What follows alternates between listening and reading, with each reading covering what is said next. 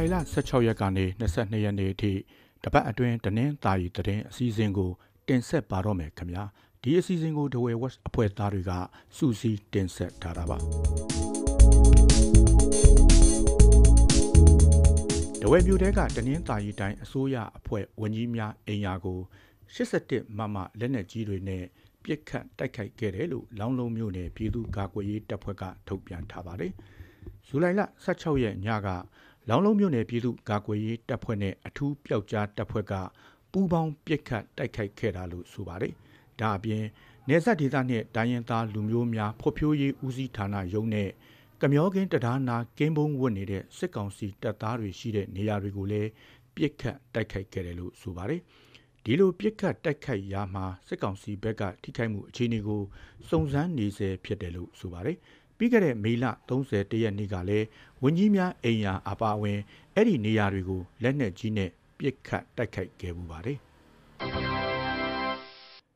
စစ်ကောင်စီတပ်သားတွေကိုတင်ဆောင်လာတဲ့လှေတစည်းဟာဇူလိုင်လ16ရက်ညကဒဝဲမြစ်ထဲမှာနစ်မြုပ်သွားပါတယ်။လောင်းလုံးမြို့အောက်ဘက်တကြက်တော်ရွာဘက်ကိုရေလန်းကလာတဲ့စစ်ကောင်စီတပ်လှေဟာတပြေးရှောင်းရွာနဲ့ရှင်မော်ကြားမှာနစ်မြုပ်သွားတာပါ။ မိုးသက်လေပြင်းကြလို့စစ်ကောင်စီတပ်သားတွေလိုက်ပါလာတဲ့ဆက်လီနှစ်စီးထဲကတစီးနစ်မြုပ်သွားတာလို့ဆိုပါတယ်။ဇူလိုင်လ18ရက်မနေ့မှာတော့ဆက်လီမြုပ်တဲ့နေရအနီးတစ်ဝိုက်မှာအခြားဆက်လီ3စီးရောက်နေပြီးတခုခုကိုရှာဖွေနေကြတယ်လို့ဒေတာခန်တွေကပြောပါတယ်။ဆက်လီနစ်မြုပ်လို့စစ်ကောင်စီတပ်ဖွဲ့ဝင်အချို့တေဆုံးသွားတယ်လို့ဒေတာခန်အချို့ကပြောဆိုနေကြပေမဲ့တီချာအတီမပြုတ်နိုင်သေးပါဘူး။ ဇူလိုင်လ15ရက်နေ့ကရေဖြူမြို့နယ်ဧကနိရွာမှာစစ်ကောင်စီတပ်နဲ့ဖြစ်ပွားခဲ့တဲ့တိုက်ပွဲမှာပြည်သူ့ကာကွယ်ရေးတပ်ဖွဲ့ကရဲဘော်2ဦးကြာဆုံးခဲ့ပါတယ်။ကံမောက်ဒေသပြည်သူ့ကာကွယ်ရေးတပ်ဖွဲ့ကအသက်23နှစ်အရွယ်ရဲဘော်တွတ်ပီနဲ့မဟာမိတ်အဖွဲ့တစ်ခုကရဲဘော်2ဦးကြာဆုံးခဲ့တယ်လို့ဆိုပါတယ်။ကြာဆုံးရဲဘော်2ဦးရဲ့ဇာပနာကိုဇူလိုင်လ16ရက်နေ့မှာတပ်ဆိုင်ရာအဖွဲ့တွေကပြုလုပ်ပေးခဲ့တယ်လို့ဆိုပါတယ်။ ဇူလိုင်လထဲမှာတဝဲခရိုင်အတွင်းပြည်သူ့ကာကွယ်ရေးတပ်ဖွဲ့ဝင်ရဲဘော်9ဦးကြာဆုံးခဲ့တယ်လို့စစ်ကောင်စီတပ်သားတွေလည်းထိခိုက်ဒေဆုံးတာတွေရှိပါတယ်။ရေဖြူမြို့နယ်ကစစ်ဘေးရှောင်တွေထဲကျမ်းမာရေးမကောင်းသူတွေရှိနေပြီးစားနပ်ရိက္ခာအခက်အခဲနဲ့လည်းရင်ဆိုင်နေကြရပါတယ်။စစ်ကောင်စီတပ်ကနဘူးလေဒေသတဝဲအထူးစီးပွားရေးဇုံရှိကြေးရွာတွေကိုဇူလိုင်လ17ရက်ကစပြီး20ရက်နေ့အချိန်အထိစစ်ကြောင်းထိုးနေလို့ ရွာငါးရွာကဒေသခံတွေစစ်ဘေးရှောင်နေကြရတာပါစစ်ဘေးရှောင်တွေထဲမှာယာတီတုတ်ကွေးသွေးလွန်တုတ်ကွေးနဲ့စီးချူသွေးတို့စတဲ့ယောဂအခန်းရှိသူတွေအပါအဝင်စုစုပေါင်းလူဦးရေတရားဝန်းကျင်လောက်နေမကောင်းဖြစ်နေကြတာပါသူတို့ကိုစိတ်ကူပေးနေတဲ့ကျမ်းမာရေးလှုပ်သားတောင်နေမကောင်းဖြစ်နေတယ်လို့ဆိုပါတယ် ဒီလိုအခြေအနေမျိုးမှာဆေးမလုံလောက်တဲ့အတွက်အစ်စ်ဆောင်ထားတဲ့စက်ဆေးတွေကိုပဲသုံးနေရတဲ့အထိဖြစ်နေကြရတယ်လို့ဆိုပါတယ်။လက်ရှိအချိန်မှာဈေးတယ်တွေလည်းမလာတာကြောင့်စားနပ်ရိက္ခာပြတ်လတ်မဲ့အနေအထားဖြစ်နေတယ်လို့ဆိုပါတယ်။စစ်ကောင်စီတပ်ကဖမ်းဆီးထားတဲ့ကံပေါက်ဈေးကကုန်းစုံဆိုင်ပိုင်ရှင်မိသားစုနဲ့အလုသမားတွေဟာဇူလိုင်လ20ရက်နေ့ကပြန်လွတ်လာပါတယ်။ ကုံစုံဆိုင်ပိုင်ရှင်မိသားစု၄ဦးနဲ့အလုသမား2ဦးဟာဇူလိုင်လ15ရက်နေ့ကဖမ်းဆီးခံရတာပါအဲ့ဒီနေ့ကကံပေါက်ရွာတက်တော်လန်းဆုံမှာမိုင်းတွေ့ပြီးတဲ့နောက်ပိုင်းကုံစုံဆိုင်မိသားစုအပါအဝင်ဒေသခံ9ဦးကိုစစ်ကောင်စီတပ်ကဖမ်းဆီးခဲ့ပါတယ်အဲ့ဒီထဲက9ဦးပြန်လွတ်လာပြီးကြံ2ဦးကတော့စစ်ဆေးခံနေရဆဲဖြစ်တယ်လို့ဆိုပါတယ် ဇူလိုင်လ20ရက်နေ့ကလည်းကော်တူးလီတပ်ကမိုင်းဆွဲပြီးပြစ်ခတ်တိုက်ခိုက်လို့ KNU တပ်မဟာလီကတန်ရင်မှုတယောက်တေဆုံးသွားပါတယ်။တဝဲအရှိတော်နယ်ကထီခီကနေဖောင်းတော်ရွာသွားတဲ့လမ်းမှာတိုက်ခိုက်ခံရလို့ KNU တပ်မဟာလီလက်အောက်ခံ KNLA တန်ရင်30ရဲ့တန်ရင်မှုဘူမူဖိုးစီလို့ခေါ်တဲ့ဘူဖိုးချစ်တေဆုံးခဲ့တာပါ။ ဒီလိုတိုက်ခိုက်ချိန်မှာဘိုးဖိုးချစ်နဲ့အခြားရဲဘော်တို့တေဆုံးပြီးအခြားတပ်သား2ဦးကတော့ဒဏ်ရာရသွားခဲ့တယ်လို့ဆိုပါတယ်။ဇူလိုင်လ15ရက်နေ့ကလည်းမြက်တာထီခီလမ်းပိုင်းရှိပြားစီချောင်းနားမှာ KNU တပ်မဟာလေးလက်အောက်ခံတပ်နဲ့ကောတူးလီတပ်မတော်တို့ပြစ်ခတ်မှုဖြစ်လို့အယက်သား2ဦးအပါအဝင်4ဦးဒဏ်ရာရသွားခဲ့ပါတယ်။ကောဒူးလီတပ်မတော်ကိုကရင်အမျိုးသားလွတ်မြောက်ရေးတပ်မတော် KNLA တန်ရင်30ရဲ့တပ်ခွဲနှစ်ခုက ပြားစီချောင်းနားမှာပြစ်ခတ်ခဲ့တာလို့ဆိုပါတယ်။ဒထိုင်းနိုင်ငံကိုတရားမဝင်သွားမဲ့မြန်မာရွှေပြောင်းအလုသမားတရားလောက်ကိုချောင်းတစ်ဖက်ကန်းကိုဆက်လီနဲ့ကူးဖို့သွားကြူပေးချိန် KNLA ကတက်ကပြစ်ခတ်ခဲ့တာလို့ဆိုပါတယ်။ဒီလိုပြစ်ခတ်တာကြောင့်ကော်တူလီတက်က2ဦးနဲ့ထိုင်းနိုင်ငံသို့သွားမဲ့ရွှေပြောင်းအလုသမား2ဦးလည်းဒဏ်ရာရသွားတယ်လို့ဆိုပါတယ်။ KNU ဘက်ကတော့အဲ့ဒီပြစ်ခတ်မှုနဲ့ပတ်သက်ပြီးလက်တလောထုတ်ပြန်ထားတာမတွေ့ရသလို KNU တပ်မဟာ၄စီဆက်သွယ်ဖို့ကြိုးစားခဲ့ပေမဲ့ဆက်သွယ်လို့မရသေးပါဘူး။ကရင်တိုင်းရင်းသားဘာသာနဲ့ကရင်သတင်းတွေမှာဖော်ပြချက်တွေအရကော်တူလီတက်မတော်ဘက်ကပြစ်ခတ်တဲ့လက်နက်ကြီးကြောင့်အရသား2ဦးဒဏ်ရာရရှိခဲ့တာလို့ဆိုပါတယ်။တနင်္သာရီတိုင်းအခြေစိုက် KNU တပ်မဟာလေးလက်အောက်ခံတပ်ဖွဲ့အချို့နဲ့ ကိုတူးလီတပ်တို့အကြားတင်းမာမှုတွေရှိနေပြီးအခုနှစ်အတွင်းပြစ်ခတ်တိုက်ခိုက်မှုတွေခက်စစ်စစ်ဖြစ်ပွားနေတာပါ။ကရင်လက်နက်ကိုင်နှစ်ဖွဲ့အကြားစစ်ရေးတင်းမာနေတာကိုငြိမ်းချမ်းတဲ့နည်းနဲ့ဆွေးနွေးအပြေရှာကြဖို့တိုင်းအတွင်းနေကရင်ပြည်သူတွေနဲ့ပြည်ပရောက်ကရင်အဖွဲ့အစည်းတွေကတောင်းဆိုထားပါတယ်။ အာဇာနည်နေ့ဖြစ်တဲ့ဇူလိုင်လ19ရက်နေ့ကလောင်းလုံးမြို့နယ်ထဲကဘူမူကြီးဘာထူးရဲ့မွေးရက်ရွာကိုစစ်ကောင်စီကလက်နက်ကြီးနဲ့ပစ်ခတ်ခဲ့ပါတယ်။လေးသွန်းခံရွာကဘူမူကြီးဘာထူးကြေးရုံမှာတော်လန်ရေးအင်အားစုတွေအာဇာနည်နေ့အခမ်းအနားကျင်းပနေတဲ့ဆိုတဲ့အထင်နဲ့ပြစ်ခတ်တာလို့ဒေသခံတွေကယူဆကြပါတယ်။ဒါပေမဲ့တော်လန်ရေးအင်အားစုတွေကအဲ့ဒီကြေးရုံမှာအခမ်းအနားလာမလုပ်ကြဘူးလို့ဆိုပါတယ်။စစ်ကောင်စီတပ်ကပစ်လိုက်တဲ့လက်နက်ကြီးကြီး6လုံးထဲကတစ်လုံးဟာ ဘုံမကြီးဘာထူကြေးရုပ်ထုနဲ့ဂိုက်300ကျော်အကွာလူနေအိမ်ကြားထဲကြားရောက်ပောက်ကွဲခဲ့တယ်လို့အနောက်ဘက်ကစီအုံးချန်တွေထဲလဲကြားရောက်ခဲ့တယ်လို့ဆိုပါတယ်လက်နေကြီးပောက်ကွဲပြီးချိန်မှာတော့ပြည်သူ့ကာကွယ်ရေးအဖွဲ့တွေကလေးသုံးခန့်အနီးပတ်ဝန်းကျင်မှာရှိတဲ့တဝဲရှင်မော်လမ်းပိုင်းအထိရောက်လာခဲ့တယ်လို့ဆိုပါတယ်